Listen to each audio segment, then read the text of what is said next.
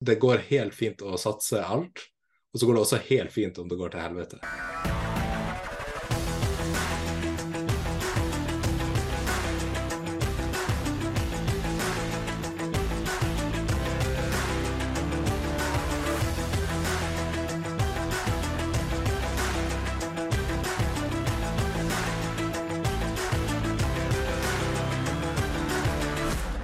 Hei og velkommen til ny episode. Jeg heter Irina, og dette er i starten av min karriere. Gjennom denne podkasten skal jeg ta deg gjennom karrierereiser til unge og nyutdanna som står på startstreken av sitt yrkesliv. Dagens gjest heter Sigurd Birk Hansen. Etter masteren valgte han sammen med sin co-founder å satse på deres eget selskap. Og ved siden av dette så jobber han også som trainee i Norges sjømatråd. Etter flere år med mye og hard jobbing, så beslutta de to gründerne at det var på tide å gå nye veier. Sigurd valgte å starte i en doktorgradsstipendiatstilling, og ser nå frem mot en karriere innenfor akademia.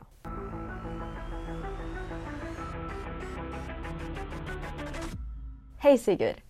Hei, Irina. Så hyggelig å ha deg her. Vi har jo både studert i lag, men startupen som, eh, som du hadde, har jo også vært et av selskapene som jeg jobber med gjennom Kupa. Så det er veldig hyggelig å møtes her òg. Jo, takk. Det er veldig artig å bli spurt. Det er jo, eh, jeg har hørt på podkasten og syns det er et bra konsept. Og det er jo artig når noen eh, man kjenner starter noe nytt. Så eh, tusen takk for at du inviterte meg. Ja, jeg tror det er veldig mange som kan ha nytte av eh, å høre på dine erfaringer. Og jeg bruker alltid å starte med noen standardspørsmål, så vi går rett på det. Hvor gammel er du? Jeg er 26, veldig snart 27. Hva er hjembyen din, og hvor bor du nå? Jeg er fra Lofoten, nærmere bestemt Kavlog, og nå bor jeg i Tromsø. Hva er utdanningsbakgrunnen din, og hvor studerte du? Jeg tok et årstid med psykologi først.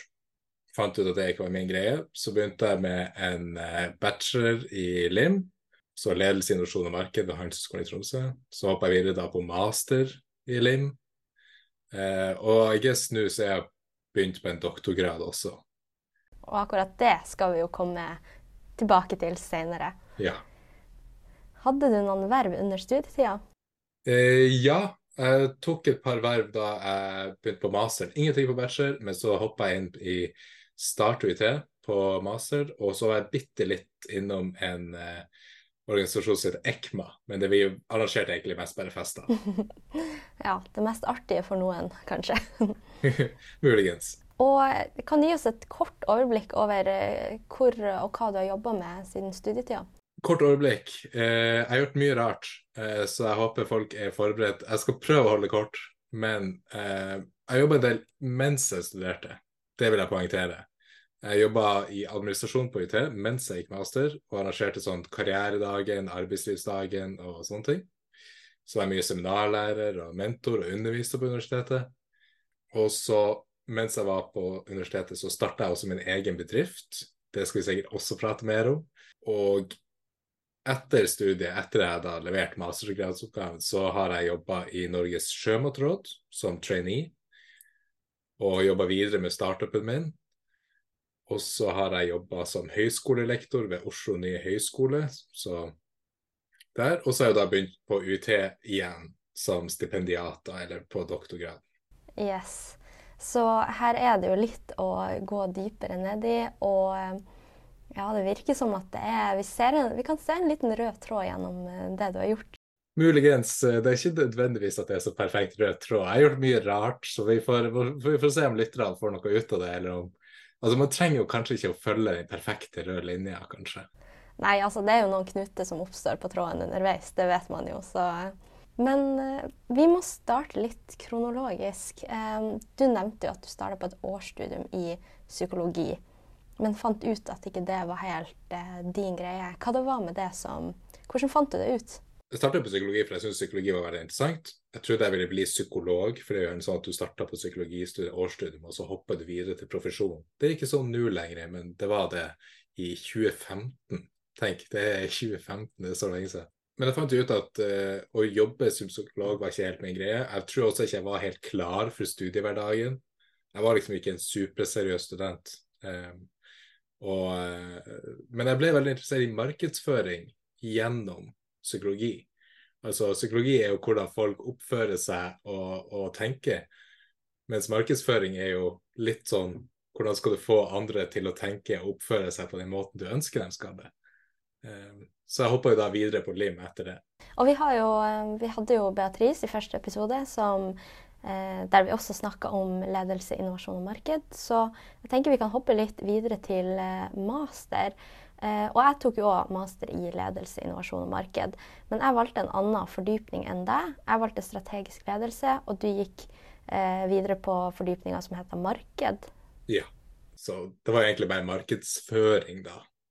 Eh, som var hovedgreia. Så var det en minor i entreprenørskap. Hva det var med markedsføring som Hvordan fikk du den interessen i utgangspunktet? Ja, det var jo litt som jeg sa, at uh, jeg gikk til årstid med psykologi først, og ble interessert i markedsføring på den måten. Det å prøve å påvirke hvordan folk eh, tenker om en spesiell ting. Og, og så er jo det å Det er jo litt eh, data i det med markedsføring du, har, eh, du kan analysere data og segmentere, eh, men samtidig kan du jobbe litt kreativt. Eh, da, ikke for å hoppe for mye, men, men da jeg jobba i eller intervjua for å få jobb i Sjømatrådet, så spurte de ja, du liker markedsføring, men er du en sånn markedsføringstallperson, eller er du en markedsføringskreativ person? Og så sa jeg ja. Eh, så, så markedsføringen liker jeg veldig godt. Og det syns jeg er litt artig å nevne, fordi Eh, vi jobber jo i Kupa med mange som trenger hjelp med markedsføring. Og for de som ikke er så kjent med markedsføring, så tenker de at markedsføring er ett fag. Men det er jo et fag som består av så utrolig mange eh, greiner. Og utviklinga skjer jo så fort i markedsføring også, så, så, man må på en måte kanskje spesialisere seg litt i en grein. Eh, der kanskje noe går mer på det kreative, og noe går mer på performance, altså statistikk og datadrevne beslutninger. Så artig at du nevner det, for det tror jeg ikke så mange er bevisst over. Ja. Hvorfor tok du eh, ledelse? Der er det også veldig særegne retninger som jeg egentlig ikke alltid skjønner meg på. ja, det er også litt tilfeldig. Jeg hadde egentlig veldig samme inngang som deg eh, når det gjaldt ledelse, innovasjon og marked. Det var markedsføring jeg hadde lyst til å jobbe med. Eh, jeg var mer interessert i det her med påvirkning. Det å kunne påvirke folk til å gjøre noe, utføre en handling, det syns jeg var artig. Um, og kanskje litt det her med atferd inni det hele uten at jeg visste det på det tidspunktet. Men uh, jeg fant etter hvert ut at markedsføring var kanskje ikke akkurat det jeg brant mest for. Men jeg har jo alltid likt å være kreativ. Uh, så kanskje den kreative delen med markedsføring appellerte mer til meg. Men mot slutten av bachelorstudiet så så ble jeg egentlig mer interessert i entreprenørskap. Um, og så var det jo sånn at når jeg skulle gå videre på masteren min, så hadde jeg jo lyst til å ta fordypning i entreprenørskap. Men uh, de la jo dessverre ned den fordypninga i entreprenørskap ja. uh, akkurat det året vi skulle starte på master. Og da sto, det jo, uh, da sto det jo egentlig mellom ledelse og markedsføring. Og siden jeg allerede visste at markedsfører, det skal jeg ikke bli, så havna jeg inn på ledelsessporet. Og det har egentlig passa meg veldig godt. Jeg er veldig glad i man kan si det teoretiske aspektet ved ledelse. Eh, men det interesserer meg jo også i praksis. Så det var egentlig bare Det var litt tilfeldig, og så fant jeg ut at det var et fagfelt som interesserte meg i veldig stor grad. Så jeg hadde egentlig ikke noe spesielt mål med det. Nei. Men all utdanning er jo dannelse. Eh, ja. Det er, hvis det er interessant, så lærer man også bare av å lære det. Absolutt. Og, eh, og, videre så hadde jo du et eh, Du hadde et utvekslingsopphold i Japan. Ja. Det er jo ikke uvanlig å dra på et utvekslingsår eller halvår. Eh, men de fleste drar jo til et europeisk land eller til USA. Men du valgte Japan. Hvordan, hvordan var det å, å ta utveksling i et land med så store kulturforskjeller? Det var veldig, veldig gøy, veldig givende. Jeg anbefaler egentlig alle å dra på utveksling hvis de kan. Eh, det er ikke alltid så lett å få det opp og gå, spesielt hvis du skal utenfor Europa, for det er ikke alle de samme ordningene. Eh, men jeg var rett og slett der at jeg har lyst til å få perspektiv, jeg har lyst til å dra en plass som jeg ikke vet noe særlig om. Og da så jeg på lista over alle universitetene som UiT hadde samarbeidsavtale med. og tok jeg det som var lengst unna. Eh, og da var det Tokyo som var lengst unna, eh, rett og slett. Og så var det en veldig fin skole som jeg var på. Det heter Waseda University. Litt sånn fancy business-skole. Ikke det at det var eh, altså helt på, helt på topp sånn internasjonal, men det var ganske bra internasjonal standing. Jeg ble jo møtt med hyggelige japanere, kinesere, irske folk. Eh, det var en veldig fin opplevelse. Og så er jo Japan utrolig pent eh, land og verdens beste mat. Så jeg vil absolutt anbefale Tokyo til de som vurderer et utvekslingssemester. Ja, og du sier at du, du hadde lyst på perspektiv. Fikk du perspektiv? Eh, har du fått bruk for de erfaringene eh, senere i jobb? Ja, altså Det som er at jeg brukte jo det at jeg var i Tokyo i storytelling for å få jobb i Norges sjømatråd. Eh, for jeg sa jo da til eh, i jobbintervju det, jo, det er jo helt sant også. Jeg ble inspirert til å jobbe med norsk sjømat etter jeg så norsk sjømat, hvordan det ble presentert og oppfatta i Japan. Sant? Norsk laks har kjempehøy status der borte. Så plutselig ser jeg liksom at Norge er holdt som kjempehøy standard der borte. Og da ble man jo litt sånn stolt av å være norsk. Så lærte jeg den historien om at det var Norge, derunder Norges sjømatråd, som fikk japanerne til å putte laks på sushi. Og da tenker jeg ok, dette må jo være noen av de beste markedsførerne i verden. Og dette brukte jeg jo da da jeg var på intervju for Norges sjømatråd, og jeg fikk jo jobb der. Så vi kan jo kanskje si at det var godt for karrieren min. tror du det var utelukkende fordi at du hadde vært i Japan, eller ah. tror du at du klarte å selge deg inn på andre måter òg?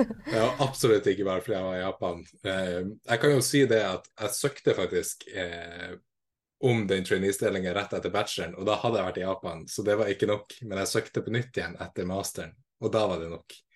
Så det var kvalifikasjoner og personlig egnethet og, og mer. La oss gå litt, eh, litt eh, tilbake til eh, master. og når du studerte, så fant du ut at du skulle starte et selskap. som på det tidspunktet het Akti, men som senere ble rebranda til Ventyr. Kan du fortelle kort hva, hva Ventyr var for noe? Ja, eh, Ventyr tidligere aktig eh, var da en idé som kom opp under eh, studiene, som basically var too good to go for opplevelser. Så tanken var at hvis det er en eh, hvalsafari eller en eh, guida tur på et destilleri eller eh, huskykjøring, hvis du har solgt 10 av 15 billetter før turen er, på tur å gå, du har fem igjen på siste dagen, så skulle de da legges ut til typ halv pris på en plattform. Sånn som bakevarer som blir solgt til eh, slikk og ingenting rett før stengetid med Too Good To Go. Og hvordan, hvordan kom du på denne ideen? Er det en sånn, eh, en sånn nok en sånn napkin-historie, eller ligger det noe mer bak det? Nei, altså vi har jo hatt litt innovasjon og entreprenørskapsfag på universitetet. Jeg satt på et kontor på UiT. Det var mens jeg jobba i administrasjon på UiT, og jeg hadde ikke sommerferie det året. Og så var det veldig pent vær ute. Så tenkte jeg oi, jeg har lyst til å oppleve mer lokalt. Jeg har lyst til å eh, være turist i egen by. Eh, følge den trenden da den eh, først kom. Og så tenkte jeg, Men det er altfor dyrt. Å dra på huskykjøretur til 2000 kroner, eller sånt, det er liksom ikke helt forenlig med et studentbudsjett. Så da tenkte jeg, hva om jeg kjente en turguide som bare hadde jobb eh, der, og så kunne jeg bare sende meg melding rett før når det var noen ledige plasser, så jeg kunne hoppe på og kanskje betale litt bare for sånn symbolsk eh, pris. Men så hva om alle hadde en sånn turguide som venn, og så ble det her da aktig slash ventyr. Så det starta med et uh, selvopplevd problem, altså? Ja. Det skal også sies at uh, denne ideen var jo først eh, Altså, det tok veldig lang tid fra det var en idé til det ble noe. Eh, den ble jo videreutvikla sammen med en vi studerte med, Preben. Han er kjempedyktig, han er mye flinkere og jobber hardt enn det jeg er. Veldig mye mer strukturert, det trengte jeg. Eh, han er også veldig god på eh, sånne her ting. Eh, han hadde jo vært med som student startup tidligere og brakte mye erfaring. Så jeg hadde jo eh, en eh, god partner i meg da vi videreutvikla denne ideen. Ja, og det er jo sikkert mange som har lyst til å starte et selskap. og så vi alle får jo ideer hver dag eh, om ting man kanskje kunne gjort bedre eller annerledes. Men, men, hva var det som gjorde deg så sikker på at denne ideen skal vi prøve å realisere, for det er et potensial her? Ja, jeg kan jo si det at eh, jeg har jo en sånn filosofi om at en idé er ikke verdt en drit. Eh, fordi at det er all jobben som gjør at det faktisk skjer noe. Men den ideen der Jeg snakka jo høyt om ideen med, med, venner og folk jeg studerte med. Og jeg fikk jo god feedback. Så var det jo snakka med fagpersoner og forretningsutviklere, sånn som du sjøl er, i Kupa og et annet selskap som heter Norinova, og fikk god feedback der. Um, og alle sa det var liksom en sånn intuitiv greie. Ah, hvorfor finnes ikke det? Det hørtes smart ut. Så det ble jo på en måte bare Det ble ikke skrota. Og så jobber man bare litt og litt mer med den. Mm. Og det der du sier med å bare prate høyt om ideen, det er jo et tips vi gir hele tida. Altså selvfølgelig, man skal jo være forsiktig hvis det er snakk om IP-rettigheter og den slags, men når man har en idé, så er man veldig langt unna. Og det å bare snakke høyt om ideen, diskutere den med andre, det kan både spare deg for mye tid, men det det kan også føre til gode ting, at det er noen som kjenner noen, eh, eller at de kommer med innspill til ja, selve løsninga, eh, som også kan være verdifullt. Mm. Og så når du er ferdig med masteren, så velger jo du og din co-founder, Preben, eh, å jobbe videre med det her selskapet. Og dere får jo da eh, noe som heter studentmillion. Eh, kan du si litt om hva det er, og var det på en måte kritisk for at dere skulle fortsette med det her? Ja. Eh, Studentmillion det er ordning med tidligere Norges forskningsråd, da vi gjør det. Nå er det vel Innovasjon Norge som tar over det.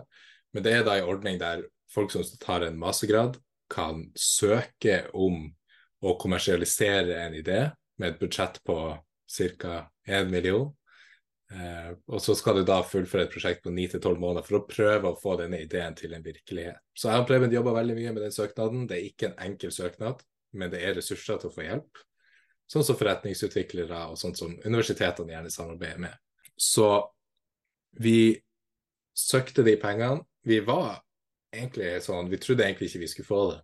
Og vi var jo litt sånn ja, Får vi de pengene, så skal vi jobbe med det. Men vi søkte jo masse andre jobber vi satt jo alle sammen og skulle være ferdig med masteren og søkte jobber rundt omkring. Jeg søkte jo Norges sjømatråd. Men så fikk vi jo denne studentmiljøen, og så ble det oi, wow, nå har vi fått en unik mulighet som ikke veldig mange får. Dette må vi utnytte. Og da valgte vi å satse. Hvis vi ikke har fått en million, så har det bare fortsatt å vært et studentprosjekt eller en hobby eller noe sånt. Men fordi vi fikk de pengene, så ble det OK, dette er noe vi må jobbe med. Og når man er ferdig med master, så ser man jo frem til å komme ut i arbeidslivet. Hvordan var det å, å, å gå fra det å være ja, student til en jobb som du faktisk skulle skape sjøl? Det var eh, veldig eh, mye jobb. Jeg, også, jeg, kan også nevne det at jeg hadde jo to jobber. Eh, det, I startup-verdenen så er det et konsept som heter 'never quit your day job'. Fordi at en startup genererer gjerne ikke mye lønn, så du burde gjerne ha noe på sida. Men ja, som sagt så fikk jeg jo også jobb på Norges sjømatråd. HR-ansvarlig i Sjømatrådet hadde sett meg i avisen da vi fikk din en million og spurte hei du, jeg var på tur å tilby deg en jobb, men jeg ser jo du har fått denne her millionen, vil du ennå jobbe hos oss? Og så ja, hvis du kan skru ned stillinga til 60% så er jeg med. Og det var første gang noen hadde spurt, men eh, de sa at det var greit. Men det betydde jo at jeg jobba jo 60-60 så jeg hadde jo én dag fri i uka. Og det var ikke alltid jeg hadde den dagen fri heller. Så det var en ekstremt stor arbeidsbelastning i den perioden. Men det er veldig motiverende å jobbe for seg sjøl.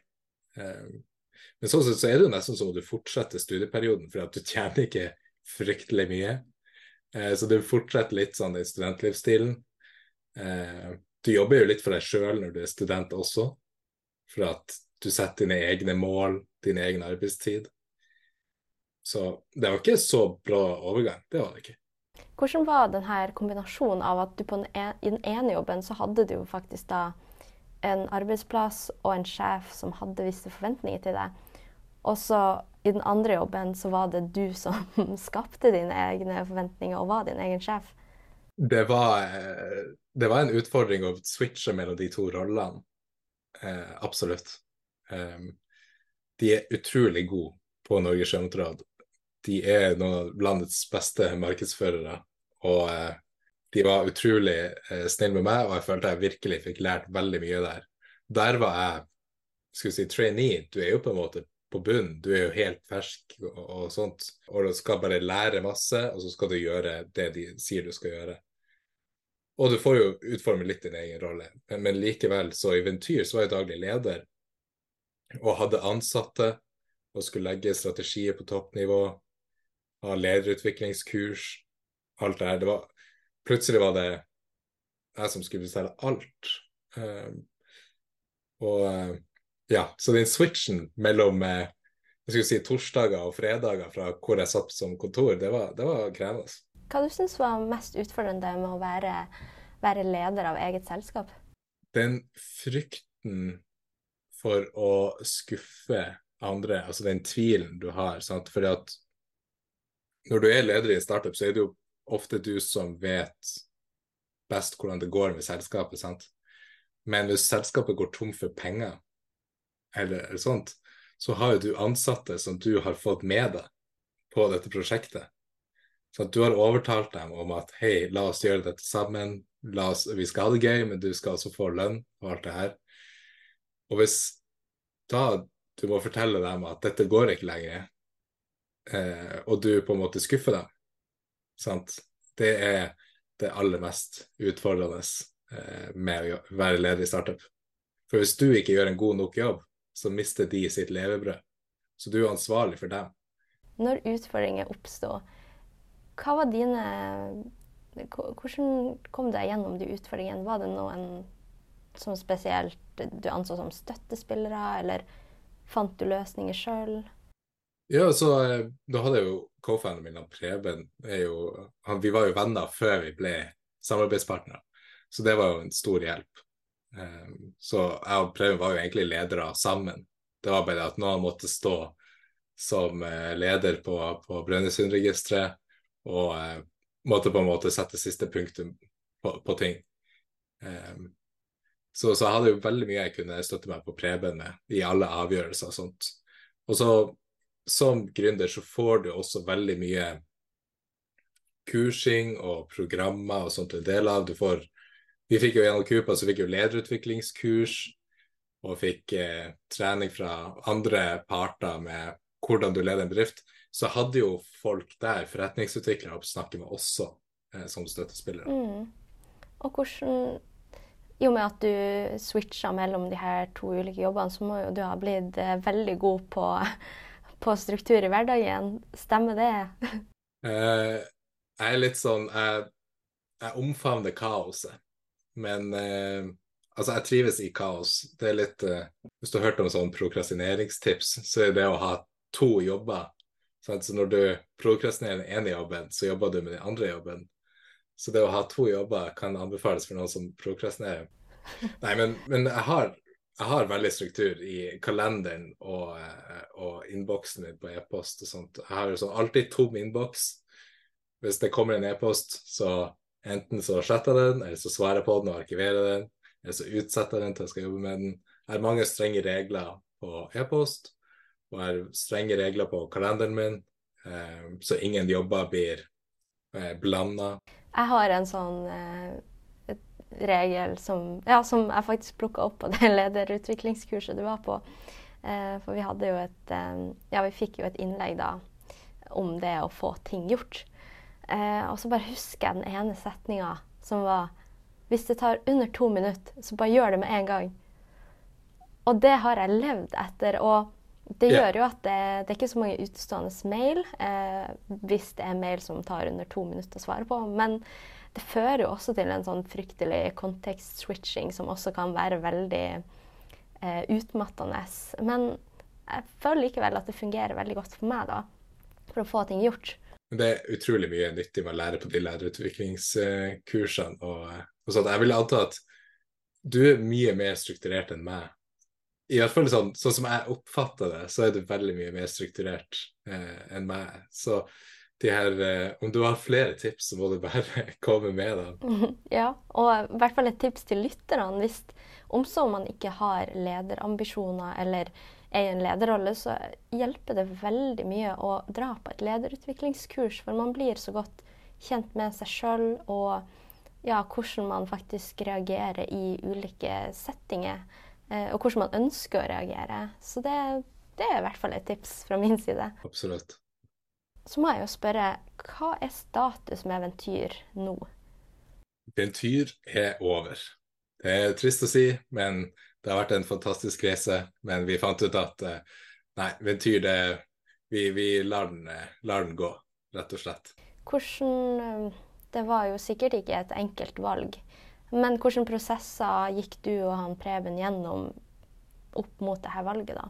Det er jo sånn at De fleste startups feiler, eh, men så spørs det jo når tid de feiler. Så det er gjerne Med en gang du har begynt å få inn litt penger, så begynner selskapet å koste mye penger å drifte.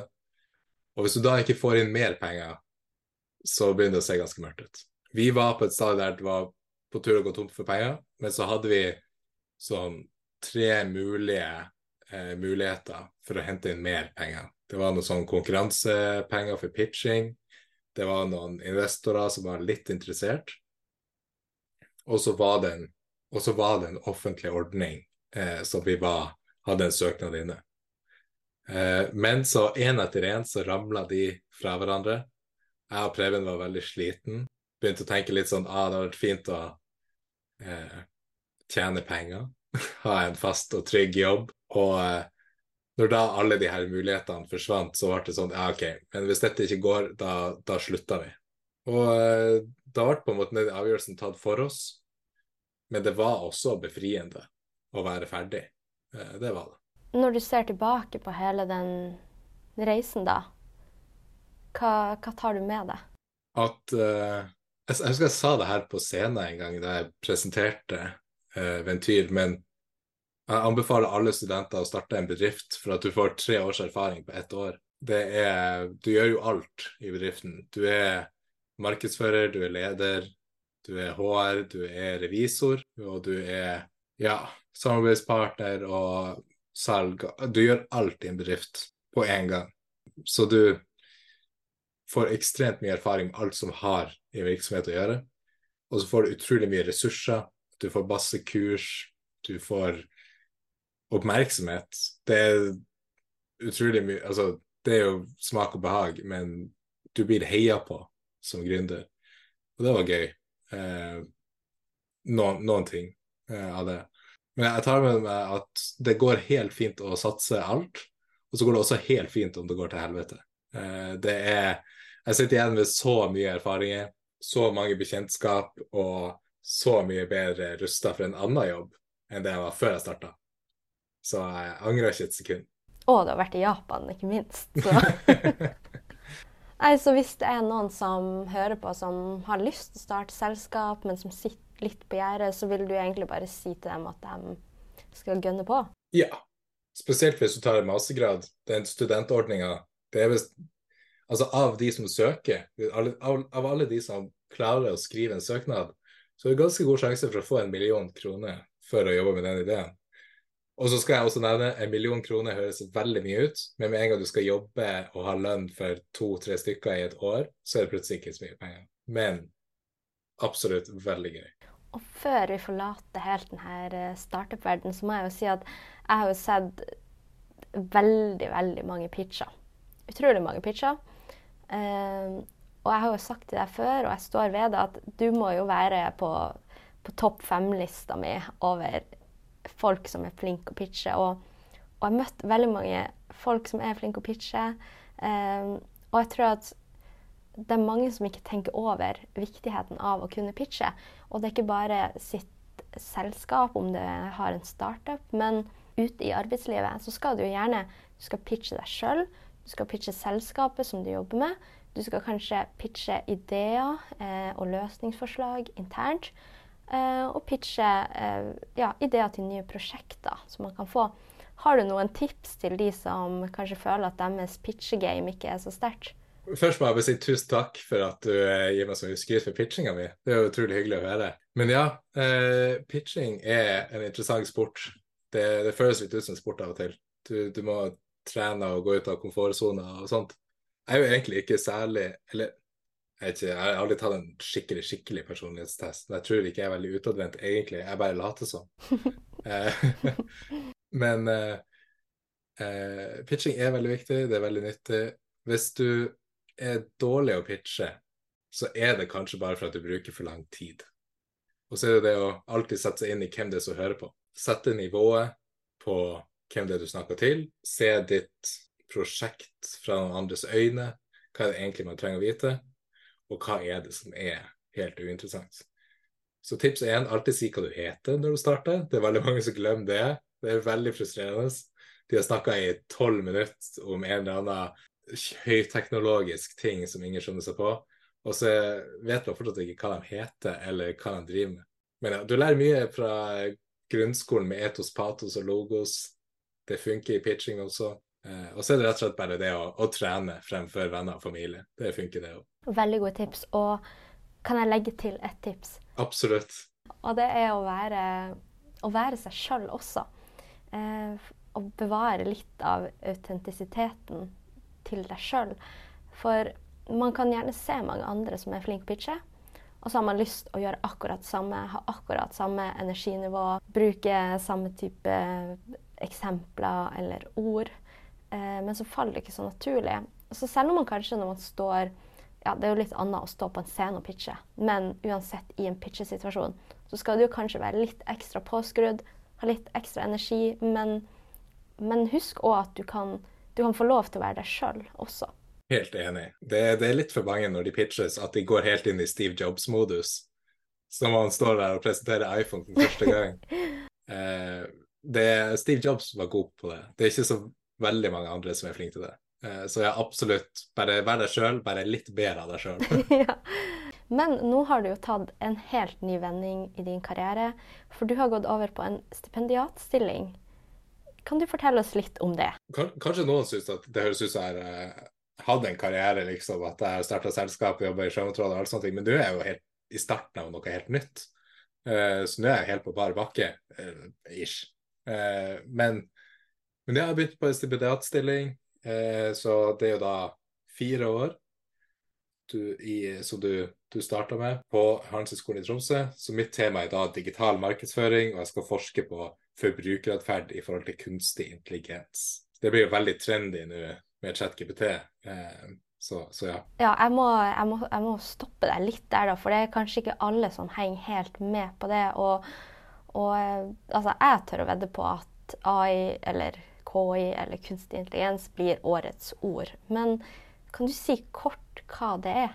Ja, eh, nå er det veldig mye ting som blir kalt for kunstig intelligens. Det er veldig som paraplybegrep, eh, det brukes jo overalt. Men kunstig intelligens er jo egentlig teknologi som prøver å etterligne menneskelig eh, intelligens eller måte å håndtere oppgaver, sånn som vi egentlig ikke er vant til at maskiner kan gjøre.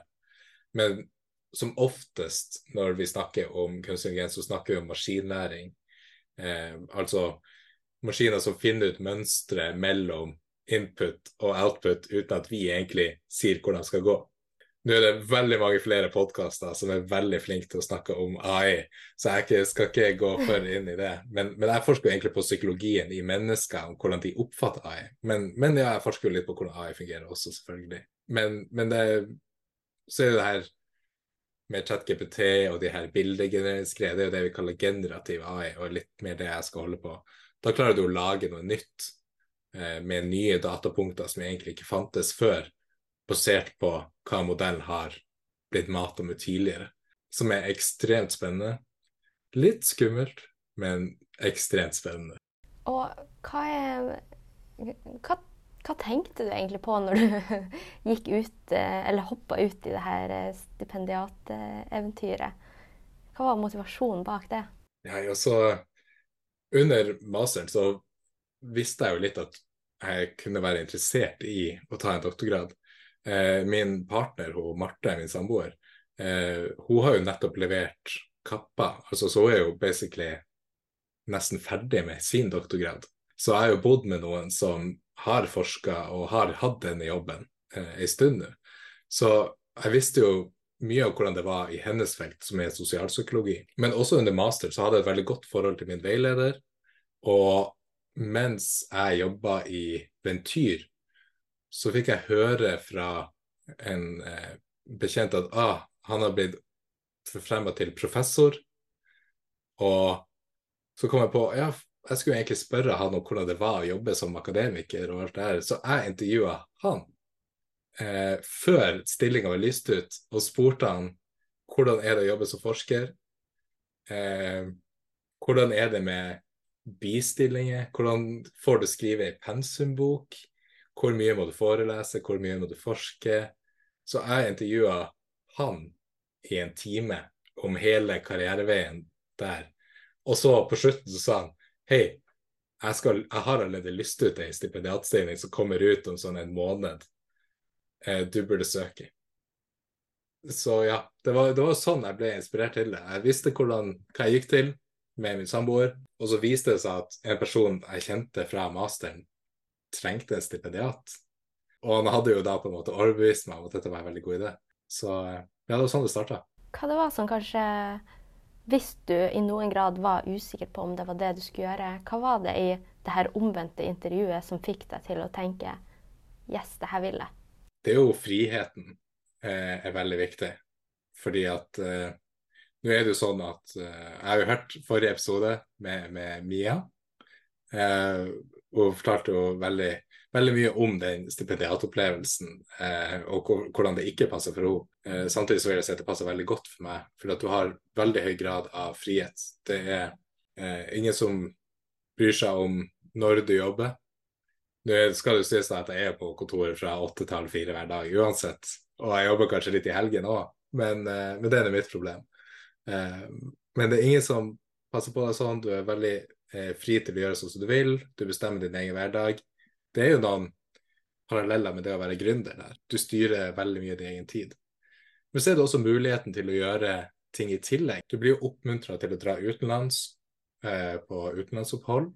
Jeg var jo så heldig at jeg fikk være med Marte til eh, Boston. og det var etter jeg fikk stipendiatstilling. Og arbeidsgiver sa å ja, skal du være to måneder på hjemmekontor i USA? Det går helt fint så var, det, var jeg så heldig at uh, vi fikk til og med ordna så at jeg fikk vært på Harvard eh, wow. eh, Business School i Boston i to måneder. Så det var jo det var veldig stas. Men det er jo sånn Den friheten til å bare kunne dra dit og gjøre det, og friheten til å kunne forelese og forske og styre din egen tid I det intervjuet der, det overtalte meg veldig til at dette var, dette var noe for meg. Nå ble jeg veldig nysgjerrig. Har jeg overtalt, har jeg overtalt deg? Altså, jeg har jo også eh, tanker om at doktorgrad er noe som kan skje en gang, men jeg vet ikke ja. når. Eh, men jeg tror ikke jeg er helt klar for det enda. Eh, og jeg har også hatt et sånn omvendt intervju med en forsker som jeg kjenner, om det å skrive yeah. doktorgrad. Eh, men akkurat nå så, så, føler jeg meg ikke klar for, for den type stilling. Men eh, det ligger i bakhodet. Det er bra. Nå si fra hvis du trenger å bli overbevist senere. ja, men jeg vet i hvert fall da vil jeg nok følge det her eh, ledelsessporet. For det syns jeg er veldig mye Det er mye spennende litteratur der. Absolutt. Og så, Du nevnte jo Harvard. Og for mange er jo det bare sånn der wow. Hvordan var det å være der? Det var litt wow. Eh, altså, hvis man ikke har følt på imposter syndrome før, Se for deg å møte opp med ryggsekken på, og så bare banke på døra på Harvard og så bare Hei, jeg skulle være en sånn gjest i sånn et fag, ph.d.-kurs her. Jeg var, jeg var jo da med på et eh, doktorgradskurs i forbrukeratferd eh, på business-skolen. Og eh, det var, det var, veldig skummelt, men de var veldig hyggelige. Byggene var veldig fine. Det var sånn gamle murbygninger og sånt, men alt var fortsatt topp moderne når vi var på tur å gå inn i klasserommet, så var det sånn Du vet i eh, Når du er på konferanse på et hotell, så er det litt sånn, sånn småkake og litt sånn lunsj og kaffemaskin. Sånn. Det var liksom sånn når du var på tur inn til forelesning. Det var, det var nytt. Ja. Det er ikke sånn på UiT, dessverre. Nei. Men, eh, men, veldig gøy, veldig stas, veldig hyggelige folk. Men det er jo ikke så annerledes som oss. Det er ikke sånn at de er helt oppi der, og de går kledd normalt. Eh, men de er veldig faglig dyktige. Eh, det skal de ha. Og det er litt mer press på dem, kanskje, enn det er i Norge. Men sånn sett så er jeg glad for at vi ikke har like, like høyt press på oss. Men fortsatt leverer vi kjempegod forskning her. Ja, og hvordan er det med Altså, du kommer jo fra gründerverden som ganske kaotisk kan være det, eh, til akademia som kanskje er litt eh, Tempoet går kanskje ikke like fort der, eh, ser jeg for meg. Og så hadde du jo litt erfaring fra tidligere med å jobbe ja, som foreleser og, og mentor på, på UiT. Men hvordan syns du det har vært å komme inn i akademia? Jeg syns det har vært veldig fint. Skal jeg si at akademia er ikke så rolig. Uh, eller spørs hvor rolig du tar det. Men det er sånn at uh, du har jo Du tar og velger ditt eget tempo. Og nå er det sånn at pga. at mitt fagfelt og kanskje min personlighet, så føler jeg allerede at jeg har det travelt. Fordi at forskning på AI går jo i hundre akkurat nå. Alle skal skrive om ChatGPT, alle skal skrive om de her nye språkmodellene, bildemodellene og alt det her, og hvordan det påvirker folk, og hvordan det påvirker verden. Så jeg føler allerede at jeg har dårlig tid. Og så er det at jeg har alltid lyst å eh, gjøre en god jobb, så jeg prøver jo så godt som mulig å, å få tempo der. Men det skal også sies da at nå som jeg jobber i akademia, så er det det at jeg har jo så mye eh, tryggere ramme. Jeg har en fantastisk eh, veileder som jeg prater med en gang i uka, minst har eh, kollegaer, andre stipendiater, som står, sitter i samme gang som meg, og vi spiser lunsj i lag hver dag. Har eget kontor med flott utsikt, eh, kantine. Og så er det det at du får betalt også. Som gründer så er det ikke alltid sikkert hm, har jeg lønn har jeg lønn om fire måneder. Men som stipendiat har du i hvert fall lønn i tre-fire år. Eh, spørs hvordan stilling du har da. Um, og det er en trygghet i det. Hva tenker du er målet ditt videre i karrieren? Det er Foreløpig så er det å være, bli professor, eller det å bli først førsteamanuensis, eller enda før det. Jeg skal bli ferdig med doktorgraden. Jeg skal levere den under normert tid. Det er veldig få som får det til.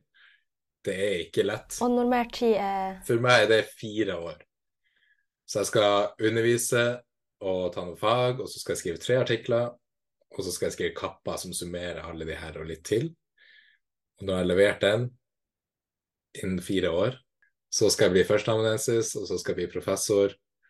Så skal jeg skrive pensumbøker og undervise og eh, leve akademikerlivet, forhåpentligvis i Tromsø. Men som sagt, alt kan endre seg. Eh, men foreløpig er det planen. Og hvis du skulle si hva drømmen din er Du var jo litt innom det, f.eks. å eh, skrive en fagbok. Eh, har du noen sånne type drømmer som er litt sånn hårete? Mm, nei. Uh, det er kanskje ikke helt greit å si det på en karrierepodkast, men jeg drømmer ikke om jobb. altså, jeg, jeg, skulle si drømmene mine er kanskje blitt uh, andre ting, uh, men, men det er litt sånn jeg, jeg, drømmer om å ha en jobb som jeg trives i, føler meg trygg i, som jeg føler meg god i, og som betaler for den livsstilen jeg vil ha og at den da er såpass fri at jeg fortsatt kan være eh, mesteren av, over min egen hverdag. Utover det så drømmer jeg ikke så egentlig så mye mer ut av jobben eh, enn det, egentlig. Vil du si at du er ambisiøs, og hva legger du i så fall i det? Ja, jeg er ambisiøs. Det vil jeg si. Absolutt. Jeg har eh, Si, kanskje noen vil også si Jeg vil egentlig også si det, at jeg har ofte litt for høy selvtillit. Det er fint å bli jekka ned litt av og til, men det funker veldig bra å ha høy selvtillit av og til når man er ambisiøs. Men ja, jeg tror det å, å eh, være ambisiøs handler veldig mye om å, å ville gjøre mye. Mm. Jeg syns det er fint eh, det du sier, eh, fordi det er litt det som er målet med denne podkasten, å vise at man kan være ambisiøs, og man kan sette mål for seg sjøl, men det trenger jo ikke å være Som du sier, man trenger ikke nødvendigvis å drømme om de største tingene heller. Eh, men det å bare ville utrette noe for seg sjøl ut fra det man sjøl mener er ambisiøst. yeah. og at man ja, klarer å komme dit på et vis. Jeg oppfatter jo deg som ganske ambisiøs. Eh, vil du si du er det? Og, og, og, så lurer jeg jo veldig på Du snakka om leder eh, At du skal gå lederretninga nå, ikke doktorgrad ennå. Jeg lurer på hva, hva er det du drømmer om i denne retninga?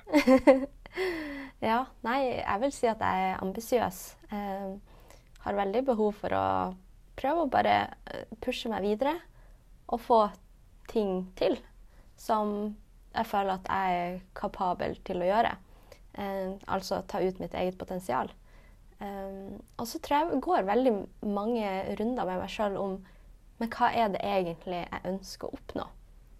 Og så kan jeg jo si at um, ja, jeg har lederambisjoner. Uh, og ja, jeg syns også ledelse teoretisk er veldig artig. Uh, ledelse i praksis er jo litt annerledes.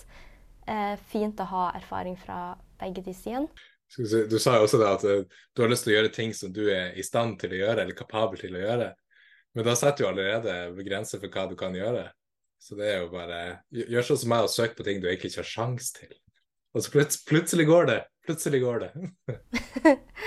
Det er sant. Men jeg tror egentlig det jeg mente med å si det, var også å, å tørre å utfordre seg sjøl, da. Okay. På eh, det med at jeg tror at jeg kan få til noe, men jeg har kanskje ikke gjort det. Men jeg føler at jeg har potensial til det. Eh, ja. Yeah. Men absolutt, man burde jo um, ja, gå utfor komfortsona. Det er sånn man utvikler seg, og, og tørre å prøve nye ting. Absolutt. Yeah. Så et siste spørsmål. Hvis du skulle gitt ett tips til de som er i starten av sin karriere, hva skulle det vært? Oh, det er vanskelig med bare ett. Men uh, jeg har ett tips som jeg, sitter, som jeg er veldig glad i. Det er at det er alle andre sin jobb å si hva du ikke er god, uh, god nok til.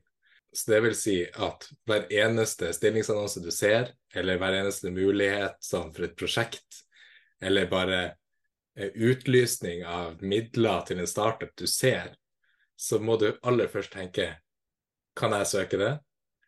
Og så skal du bare søke. For det er alle de andre sin jobb å vurdere om du er god nok til å få de pengene eller få den jobben. Så det er rett og slett det. Behandle hver eneste stillingsannonse innenfor ditt felt som om du er god nok. Og så søker du. Så gjør du din beste jobb med å pitche deg sjøl. Og så er det deres jobb å vurdere om du ikke er god nok. For det at, eh, at du, om du sjøl skal gjøre det, så går du glipp av utrolig mange muligheter. Fantastisk tips. Så man skal ikke sjøl være den som setter begrensninger for seg sjøl. Det skal andre gjøre. Absolutt. Det skal i hvert fall jeg ta med meg videre. For Jeg håper det kanskje snakka til noen som var litt usikker på å oppsøke den ene jobben fordi at de ikke hadde tre års erfaring. Eh, ja. Mm, det tror jeg kan gjelde veldig mange. Og i flere typer situasjoner. Så supertips, og det håper jeg flere tar med seg. Og så må jeg bare takke så mye for at du gjesta podkasten og delte av dine erfaringer. Jo, tusen takk for at jeg fikk være med. Veldig artig å støtte den nye podden fra en gammel studiekamerat. Veldig glad for at jeg fikk være med.